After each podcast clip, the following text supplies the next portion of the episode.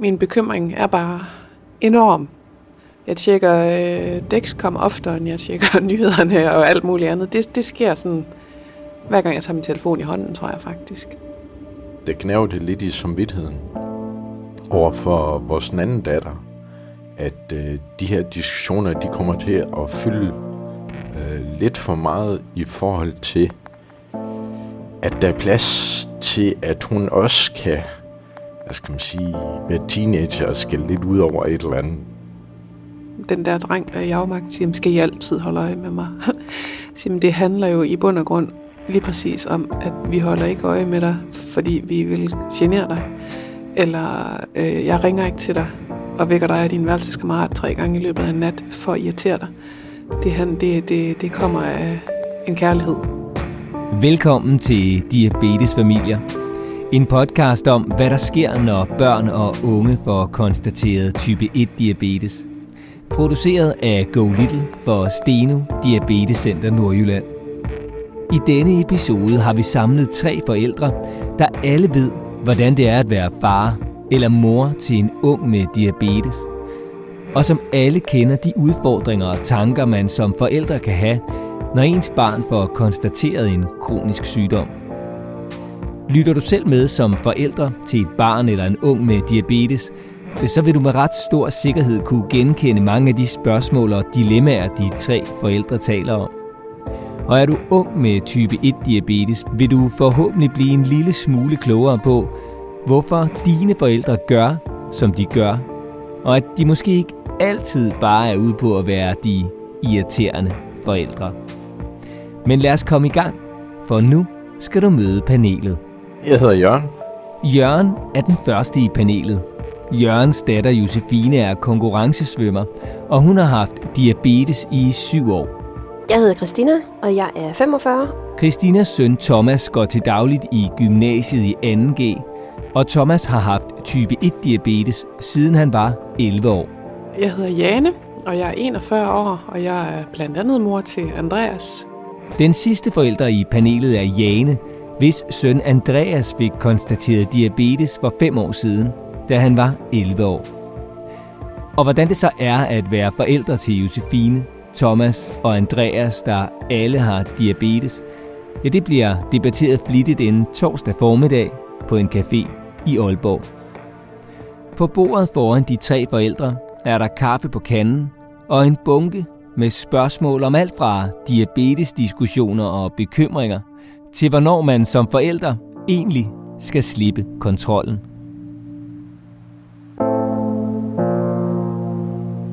Og den første til at trække et spørgsmål er Jane. Ja, jeg trækker et kort. Der står, hvilke reaktioner møder du fra andre, når du fortæller, at dit barn har diabetes? Uh.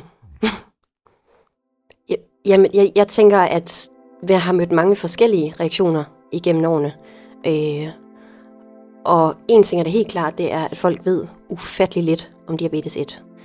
Øh, jeg er selv fagperson og troede, jeg vidste en masse. det gjorde jeg ikke. Øhm, og det har egentlig også givet en forståelse for, at selvfølgelig ved alle andre heller ikke en masse om det. Men så har vi været gode til at forklare nogen om det, og nogle gange har vi bare rystet på hovedet og tænkt, huh, og så gået videre. Nogen har ramt, altså ja, rigtig meget. Der kommer mange dumme spørgsmål, mange undrende spørgsmål, og så er der bare dem, der er interesserede, og dem, der... Jamen, det ved jeg ikke. Det, det, det er svært. Ja, det er jeg helt enig i. Ja. ja. Jamen, han er jo så sund.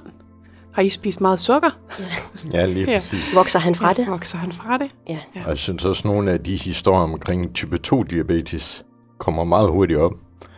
Og øh, hvad skal man sige, det er netop det der med type 1. Der er ikke så mange, der kender til type 1. Det er lige præcis det, tror jeg, der, der spænder ben for det. Fordi det er, man kan, det er næsten bebrejdende blik, man kan få. Jamen, har I ikke, lever I ikke sundt? Øh, jo, det gør vi. Men ja, det er den ene ting. Men den anden ting, det er den med, at ja, nu har Andreas haft diabetes i fem år, så mange også tæt på os kan godt have den, øh, jamen det har I jo styr på nu. Altså, ja. Det ved I jo alt om nu, så nu er det jo ikke noget problem længere. Yep. Og må han virkelig spise alt, hvad han vil? Møder vi stadigvæk, selvom det er seks år siden.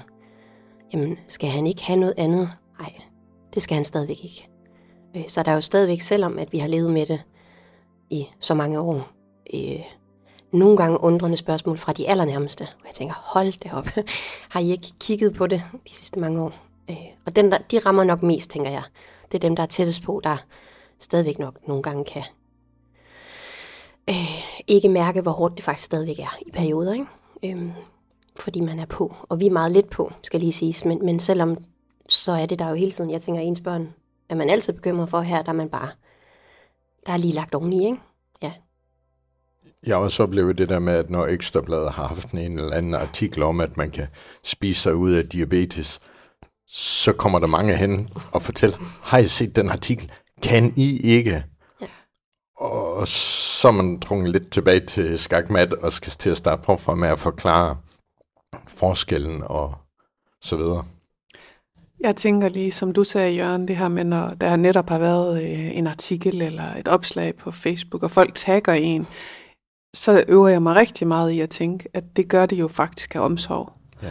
Og når de kommer til mig med gode råd, eller øh, sender links til et eller andet sted, man kan købe øh, sukkerfri, øh, så er det fordi, at de vil mig det allerbedste, og at de vil Andreas det allerbedste. Lige og præcis. på de gode dage, der kan man godt sådan mærke det, og på de knap så gode dage, så kan man bare tænke, så hold. Ja, nej, det skal vi ikke sige. I, øh, ja, men så bliver man bare frustreret over, at det er sådan.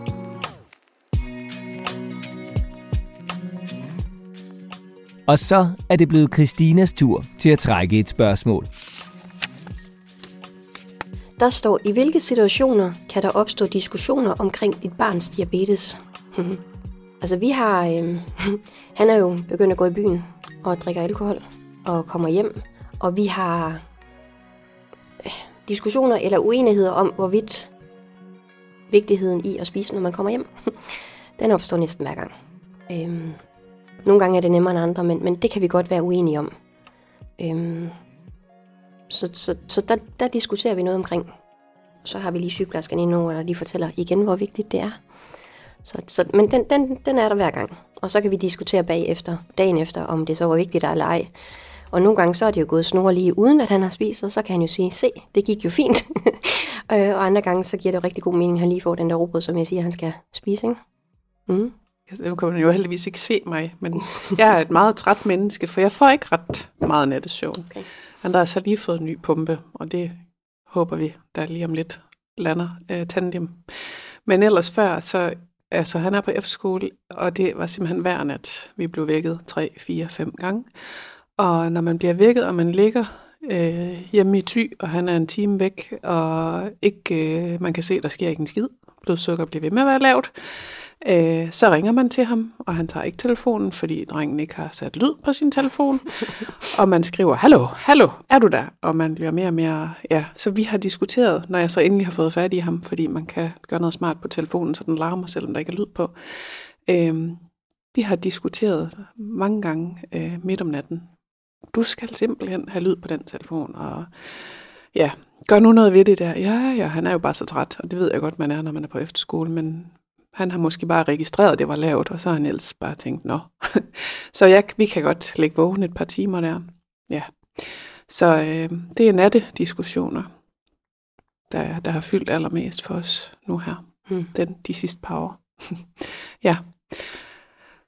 Den, den kan vi rigtig godt genkende, den der med, at øh, som forældre, så når vi opdager enten lav eller meget høj, og så kommunikationen omkring det, hvad skal der gøres, og må vi have lov at følge med?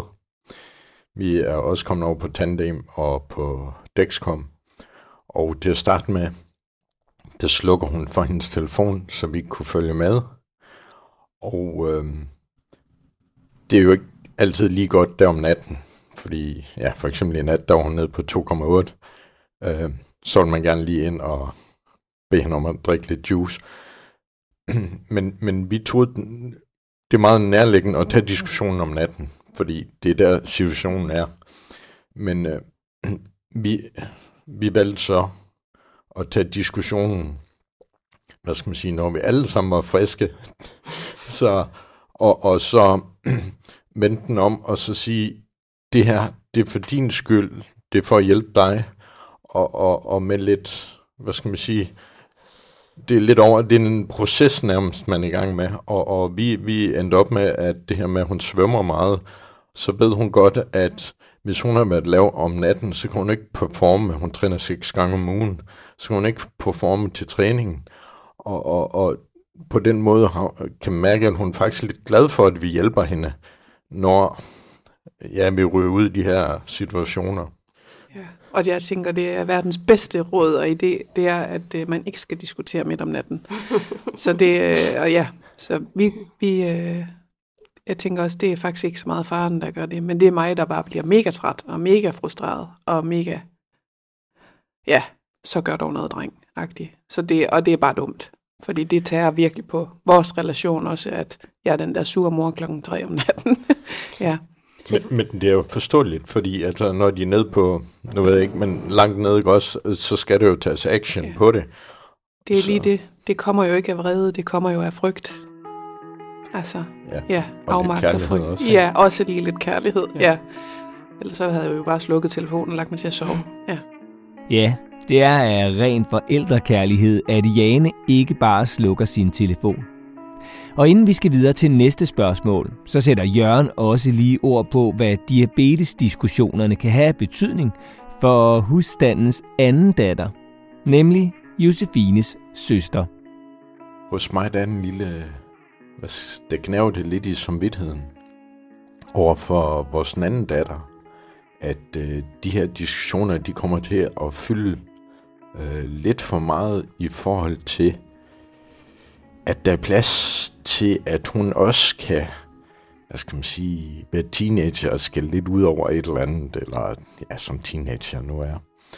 Det, det er lidt ked af, at det, det fylder lidt for meget, så der er ikke plads til, at hun kan være teenager og skælde ud over, at hun ikke har kjoler nok, eller ja, sådan nogle ting der, der.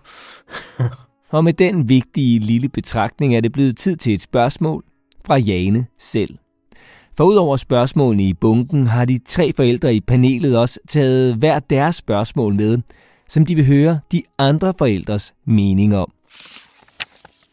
Åh, oh, det var godt nok et svært spørgsmål. Jane. det er simpelthen mit spørgsmål. Ja, jamen, øh, det her med at give slip, hvornår giver vi slip?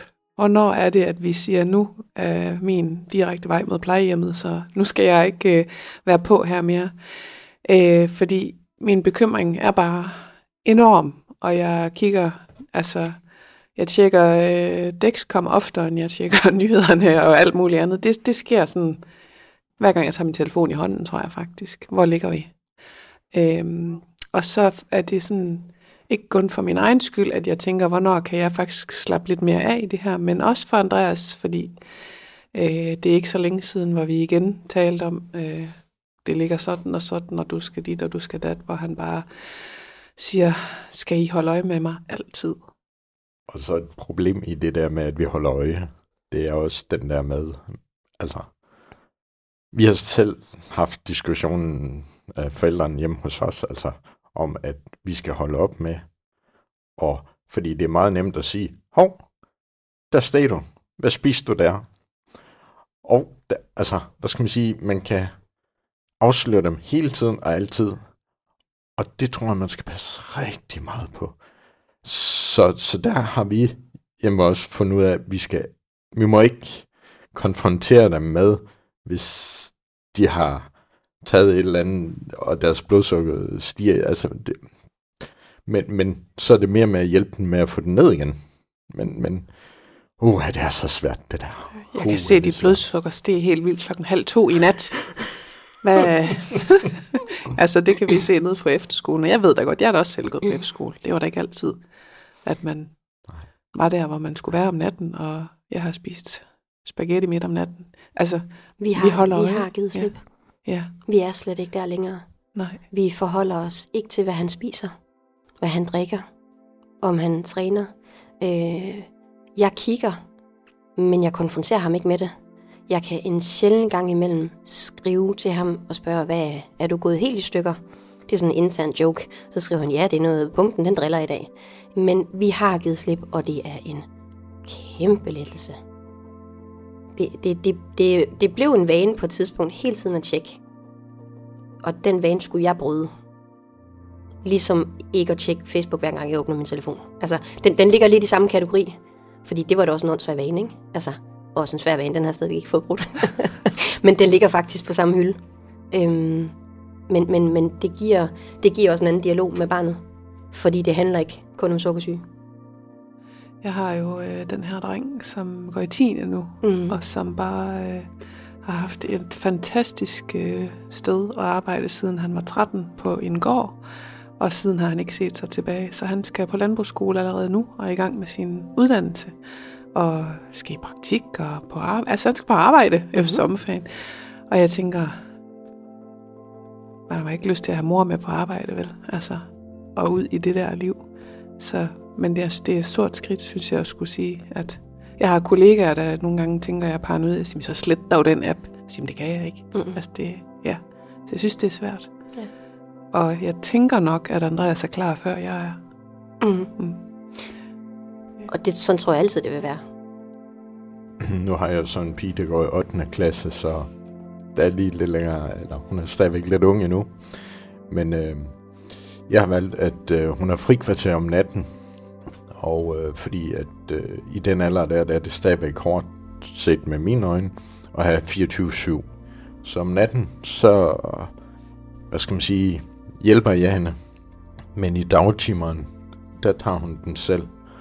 Øhm, det gør så, at hvad skal man sige, vi ved, at øh, hendes træner er klar over, hvad det er, diabetes, og hvordan der vil ledes, og det er i skolen, der er lærerne også klar over det.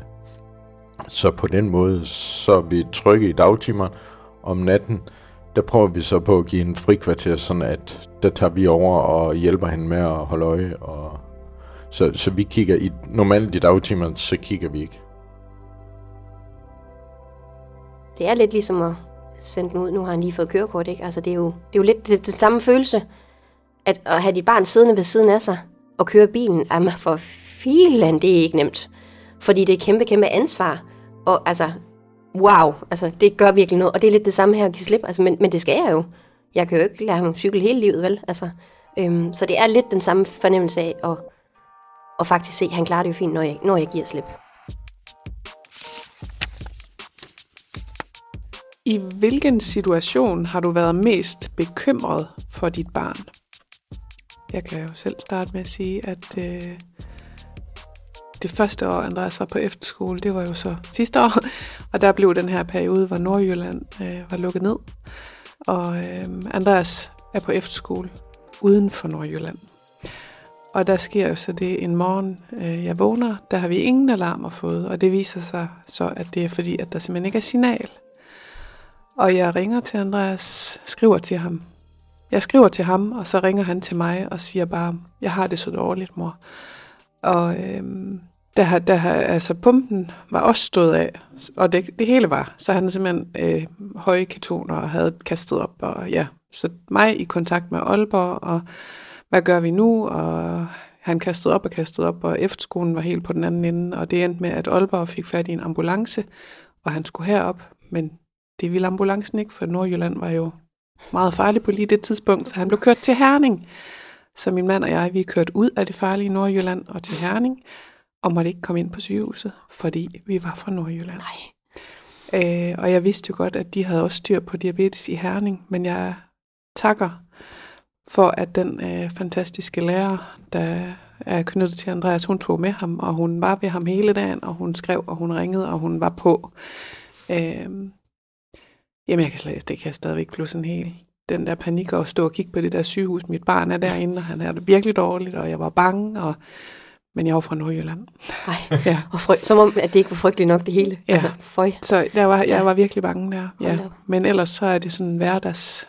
Altså, jeg, jeg kan ikke... Øh, den der diskussionslyst, der kommer midt om natten, den kommer simpelthen af, at jeg er bange, når jeg kan se, at han har meget lavt blodsukker, og der ikke sker noget. Så jeg er meget, meget bekymret om natten, ja. når han sover, og han har lavt blodsukker, og jeg ikke kan få fat i ham. Den allerstørste bekymring har været, når vi rejser. Øh, det at skulle sidde i en flyver i mange timer, skulle det ske der. Altså, I, I ville korse hvis I så, hvad jeg har med. Og når vi siger, vi, så er det, det er mig, der har ekstra pumpe, ekstra. Jeg har med til måneder. Jeg har lånepumpe øhm, fuldstændig overdrevet. Øhm, og vi har aldrig brugt pen, vi har aldrig brugt noget af det udstyr, og jamen, altså, det er helt åndssvagt, men vi er helt graderet. Øhm, så det er vi vant til. Men øh, så i 9. klasse, der øh, vælger han at melde sig til på vores opfordring til at tage med til 10 dage til Uganda med sådan en velgørenheds med Aalborg Kommune og en anden organisation. Og jeg tænkte bare, fuck, altså USA, hvor vi plejer at rejse, og Europa, der kan han jo få, på hvert apotek kan han jo gå ned og få det udstyr. Men så lige din knægt alene til Uganda i 10 dage. Gør. Men, men på en eller anden måde fik vi det jo løst, og han tog afsted, og der var jo ingen problemer. Øhm, men det har nok været der, hvor jeg har været mest sådan, åh, det var svært. Fordi, hvad nu hvis? Det er et øh, følsomt emne. Jeg sidder på arbejde og lige pludselig får et opkald øh, fra min datter. Hun var ked af det.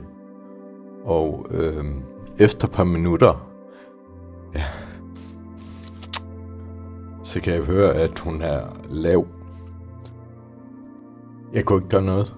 Altså, jeg får pludselig et opkald, og ja, det går lige to minutter, før jeg ved, at jeg undrer mig over, hvorfor hun er ked af det. Og så opdager jeg lige pludselig, ah, det er måske blodsukker. Og så fortæller hun så, ja, den er lav. Og nu kan jeg ikke huske, hvor lav den var, men det var bare, nu går du over og køber en juice derovre. Og jeg kunne mærke, at hun har svært ved selv at overskue det. Så det var sådan, gå derover nu. Kom, begynd at gå. Og sådan altså virkelig øh, kommanderende faktisk. Og øh, så lægger hun på, og så venter man. Men øh, efter et par minutter eller sådan noget, så, så ringer hun. Jeg drikker nu, far. Og så... Uh, så. Men øh, det var heldigvis den eneste gang, så... Jamen altså, jeg var simpelthen bange for, at hun gik i insulinschok, og der ikke var nogen til at hjælpe hende. Det, det er jo det, man, hvad skal man sige, ja, det tror jeg, det, mm. det er de fleste forældre, de frygter. Altså lige præcis, om så du har et blodsukker på 32, så, så er det jo ikke, altså det er jo der, hvor de, øh, hvor de ikke selv er i stand til at hjælpe sig selv. Ja. Ja, at man har den største frygt. Den der følelse af, at han er alene. Øhm, ja. Om der er nogen, der kan hjælpe ham. Om kroppen lige der har nok til at producere, så han selv lige kommer ovenpå igen. Ikke? Øhm, og hvad så, hvis det sker lige efter igen, så ved jeg godt, hvad der sker. Ikke? Altså det, det, du er magtesløs. Fuldstændig. Øhm, så man håber, at der er nogen. Og det er et håb, Jane, Christina og Jørgen er fælles om. Bare der er nogen, hvis deres barn får brug for hjælp. Og så er det Christinas tur til at trække et spørgsmål fra bunken. Haha, det var en af de nemme. Værsgo. Åh, oh, tak. Det var så mig. Det er det her med involvering af øhm, voksne. Vi har lige haft en situation, hvor at øh, min datter skulle på træningslejr i Tjekkiet. Og der ville vi jo gerne have, at dem, der omkring hende, er klar over, øh, hvad det er for noget udstyr, hun er med, og hvad man lige skal gøre, hvis det virkelig går galt. Og øhm, det kan jeg godt mærke, at det synes min datter ikke, det er nødvendigt. Men for mig, der er det bare så vigtigt, at der er nogen omkring hende, hvis shit hit deres fan, at, øh, ja, at de så kan tage action. Det kan jeg meget godt øh, følge dig i, og og også mere, når jeg lige kigger tilbage, da, da Andreas jo gik i femte. Han har hele tiden været selvkørende. Der har ikke været nogen lærer, der skulle trykke på knapper eller stik eller noget, men, men de skal vide, de skal vide det. Og hans arbejdsplads øh, skrev en lang smør, og de, det var bare fint. Altså, det er et behov, jeg har, mere end det er et behov, Andreas har. Vi har stået i den to gange. Altså, og vi havde samme diskussioner derhjemme, for der var absolut ikke behov, for det kunne han sagtens klare selv. Så siger han, det er mit behov. Og så tror jeg nok, jeg sådan lidt bag hans ryg skrev til lærerne, som så gav udtryk for, at de jo faktisk rigtig, rigtig gerne lige vil have lidt information om, hvordan og hvorledes. vi er forældre, de er under 18, jeg har et ansvar, og når ikke jeg kan være der og tage ansvaret, så er jeg nødt til at vide, at der er en anden, der kan tage ansvaret. Og jeg tænker ikke, at det er anderledes end andre børn, der har andre diagnoser, der måske skal have medicin, inhalation, whatever. Øhm, jeg tror også, at de forældre har jo også en livline. Så, så, så der er vi jo bare ikke anderledes, tænker jeg. Og det handlede absolut om mig. Ja, og, og også om dem, som man, jeg tænker, hendes mm. træner, og ja. ja, de lærer, altså jeg tror, jeg er faktisk, jeg selv lærer, og, og hvis jeg havde et barn med et eller andet, så for min skyld, for at jeg skulle føle mig tryg ved at have barnet med, så vil jeg gerne vide så meget som muligt. Mm. Øhm, så, så, så man kan måske godt sige til sit barn, at det, øh, du er bare mega sej, øh, og vi ved, du har styr på det, og det er sådan set ikke fordi, at øh, vi er i tvivl om det, men det er for alle omkring dig, kan være trygge ja. ved det. Ja, netop for jeg er også lærerne og mm. er trygge i, og ja, det er good point.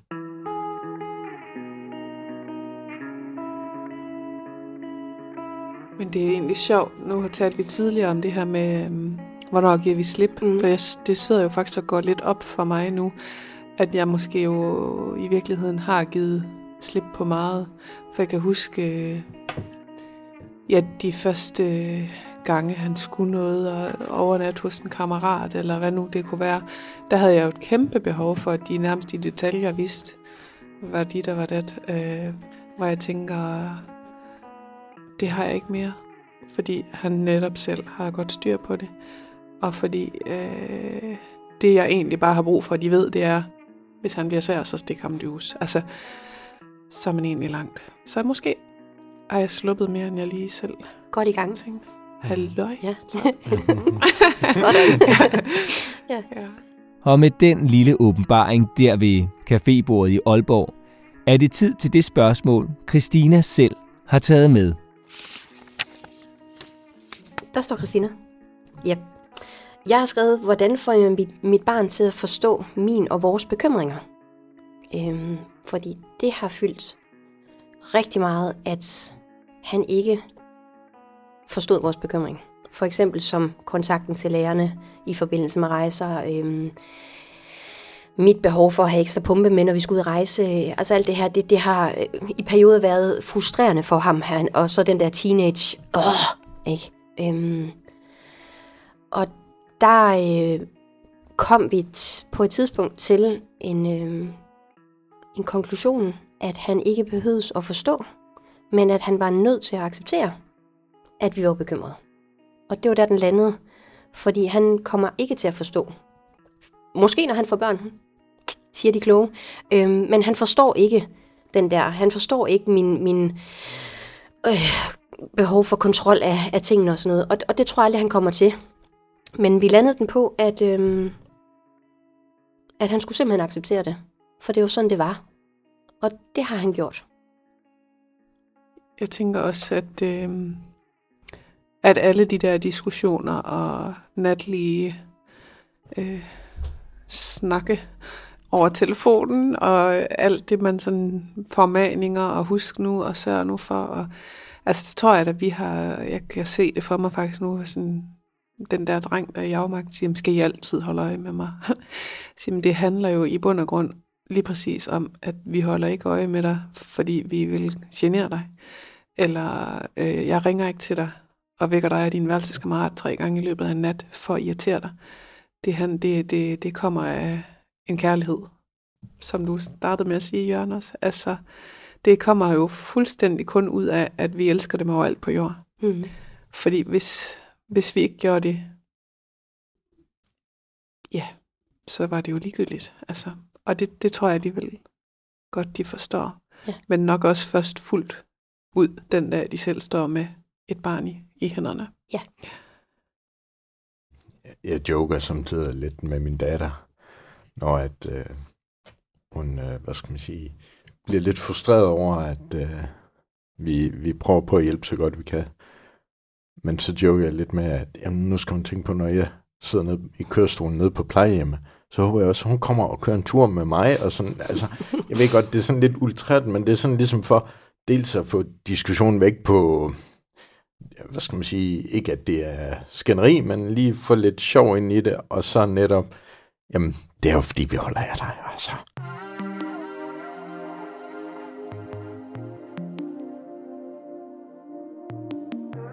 Det er blevet tid til at trække dagens sidste spørgsmål.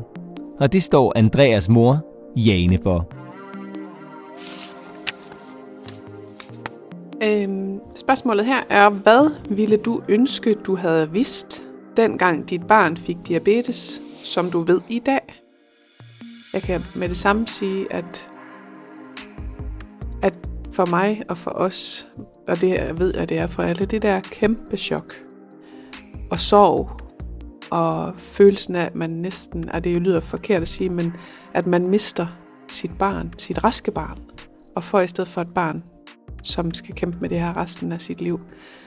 Jeg vil ønske, at jeg havde vidst dengang, at det også blev hverdag, og at man også kom til at grine igen, og at man også kom til at slappe af igen, og at man også kom til at sænke skuldrene. Altså selvfølgelig flyver skuldrene op en gang imellem, det gør de, men langt, langt hen ad vejen, så, øh, så tænker jeg, altså, så er det jo blevet vores hverdag. Ja. Jeg havde en, en periode, øh, hvor jeg, øh, jamen det, det kan bedst beskrive det som dyb sorg. Ja. Og netop også det her med at kunne øh, høre sådan nogle øh, kloge mennesker, der ved noget om det, fortælle lidt om det, fordi ja, den sene nattetime på sygehuset, hvor Andreas endelig sov, og jeg kunne lade som altså give slip på, hvor ked af det jeg egentlig var, øh, google, og så netop ikke kunne finde andet end forfærdeligheder. Så jeg ville ønske, jeg havde vidst, øh, at, at det hele nok skulle gå, for det var jeg virkelig i tvivl om. Jeg tror ikke, jeg kunne have sagt det bedre. Fordi det var den sætning, der kom ind i mit hoved også, at man havde jamen, tur tro på, at der var nogen, der faktisk sagde, det skal nok, I kommer ud på den anden side. Altså, det går jo ikke væk, men I lærer at leve med det. Øhm, at jeg havde tur og tro på det fra starten af. Jeg tror nok, vi troede på det, men det der med selv virkelig at mærke, at det her, det skal nok blive, det, det ved man jo ikke før, at man står der.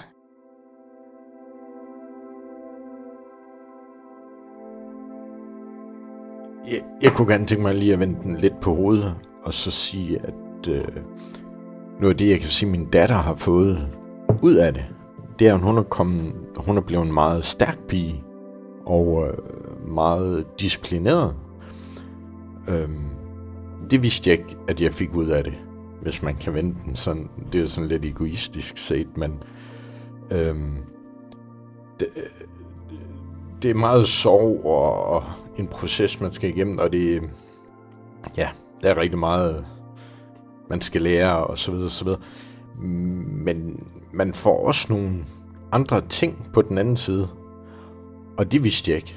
Altså, øh, jeg har, øh, som jeg sagde, jeg har fået en stærk pige ud af det, som når hun går ind i noget, jamen, så gør hun det virkelig. Altså, øh, hun har været med i DM i fag to gange nu. Altså, hun, hvad skal man sige, og, og det, det tror jeg altså, det har lidt med den proces, hun har været igennem. Så, så det er også noget med at, eller, der er også nogle gode ting i mørket, eller hvad skal man sige, så, så ja, det er rigtig hårdt, og man vil selvfølgelig gerne være det forud, men når så det er der, så er det også med at, hvad skal man sige, stå det igennem. Der kommer også gode tider igen. Altså, mm. det gør det. Ja, se hvad man kan skrive på deres CV, ikke også? I forhold til ansvarsbevidsthed og ja, for sådan. evne til at håndtere komplekse situationer. Og ja, ja.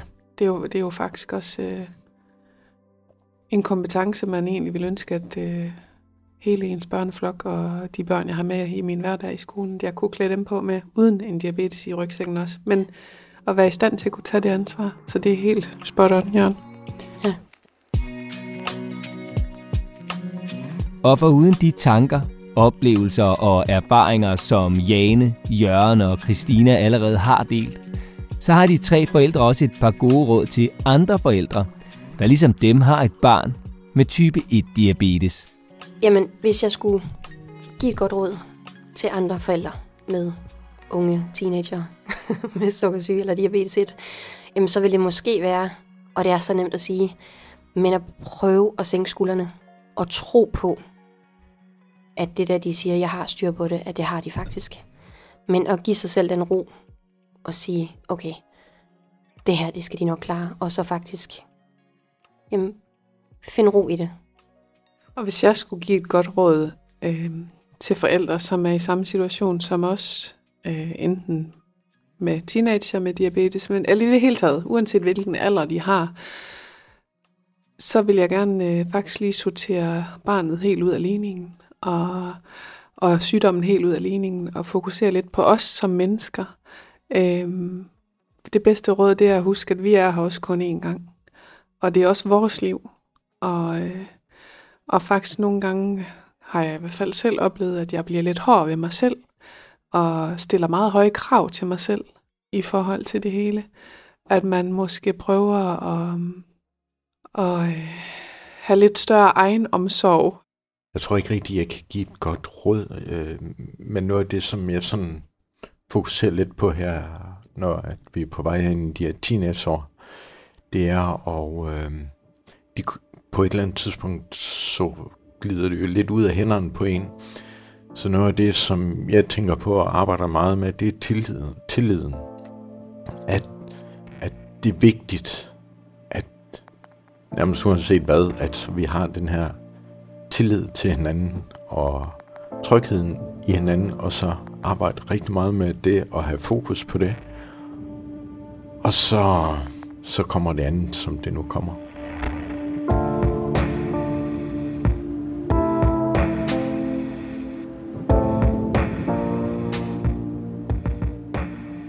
Det var slut på denne episode af Diabetesfamilier. Næsten i hvert fald, så bliv lige hængende lidt endnu. Hvis du synes om podcasten og har fået noget ud af den, så tryk på følg eller abonner i din podcast-app, og skriv meget gerne en anmeldelse. Så er du nemlig med til at få podcasten spredt ud til endnu flere, der kan have brug for den. Og så får du automatisk besked, når der udkommer nye episoder. Podcasten er produceret af Go Little for Steno Diabetes Center Nordjylland. Astrid Brun Bonin er tilrettelægger. Jeg hedder Morten Resen, og lige inden Christina, Jørgen og Jane siger farvel til hinanden, gør de status over, hvad deres snakke rundt om bordet har betydet for dem hver især. Jeg synes, det har været rart at høre og blive bekræftet. Ikke fordi jeg var i tvivl, men om at det, man har tænkt og følt, og der er så en, der sidder og nikker og siger, ej, jeg ved lige, hvad du mener. Det er igen helt vildt rart. Og det er det, jeg håber, vi også kan give videre. Det, at vi sidder her i dag og har igen den følelse af, når jeg, jeg er jo ikke alene her i verden. Altså, der er også andre forældre, der, øhm, der pusler med de her ting. og igen, det får repeteret nogle af de her gode ting også, øh, gode råd, og sådan lige få dem taget ind, og så tænke, nå ja, det er jo rigtigt, det er jo sådan, vi skal håndtere det, og det kan vi jo også gøre sådan noget. Det er rigtig godt. Det her med at forvente nogle ting, som øh, vi har nemlig heller ikke deltaget i nogle ting, så det er meget, meget få, jeg har egentlig talt med, som, som står i samme situation som os. Men det, jeg allermest har fået ud af i dag, at det er sådan lidt en, øh, det kommer til at lyde helt forkert, jeg er sådan en meget følende menneske, men, men allerede da jeg lige kom ind ad døren hernede, og var lidt sådan, hvad, hvor skal jeg hen? Øh, man kigger lige rundt i lokalet, nede i cafélokalet, jeg så lige, du sad og arbejdede, tror jeg, Jørgen. Og så hører jeg ud af min ørekrog, du siger et eller andet med podcast. Og allerede der, der holdt jeg af dig. og det der med, at vi sidder her, tre vidt fremmede mennesker, havde vi mødt hinanden øh, på kanten af et svømmestævne, eller ved fodboldbanen, eller nede i Netto, så har vi slet ikke kigget på hinanden, eller indset hinanden, men vi har bare en forbundethed. Og det, øh, det har jeg taget med mig som noget. Altså, jeg aner ikke, hvad mere. Jeg aner ikke, hvad I kan lide at spise, eller hvor I var dit, eller hvordan. det men jeg holder bare allerede af jer, fordi I øh, kender min største sorger og mine største bekymringer. Øh, og, øh, og nogle gange siger jeg til nogen, der fortæller mig noget, de er ked af, eller har det svært med, at sige, hvor jeg er glad for, at du har det sådan, fordi så er jeg ikke alene om at bøvle med det. Øh, jeg vil ønske, at jeres børn ikke havde diabetes, men hvor er jeg glad for, at der er nogen, der ved, hvordan jeg har det. Fordi det øh, er der ikke ret mange, der, der ved ellers.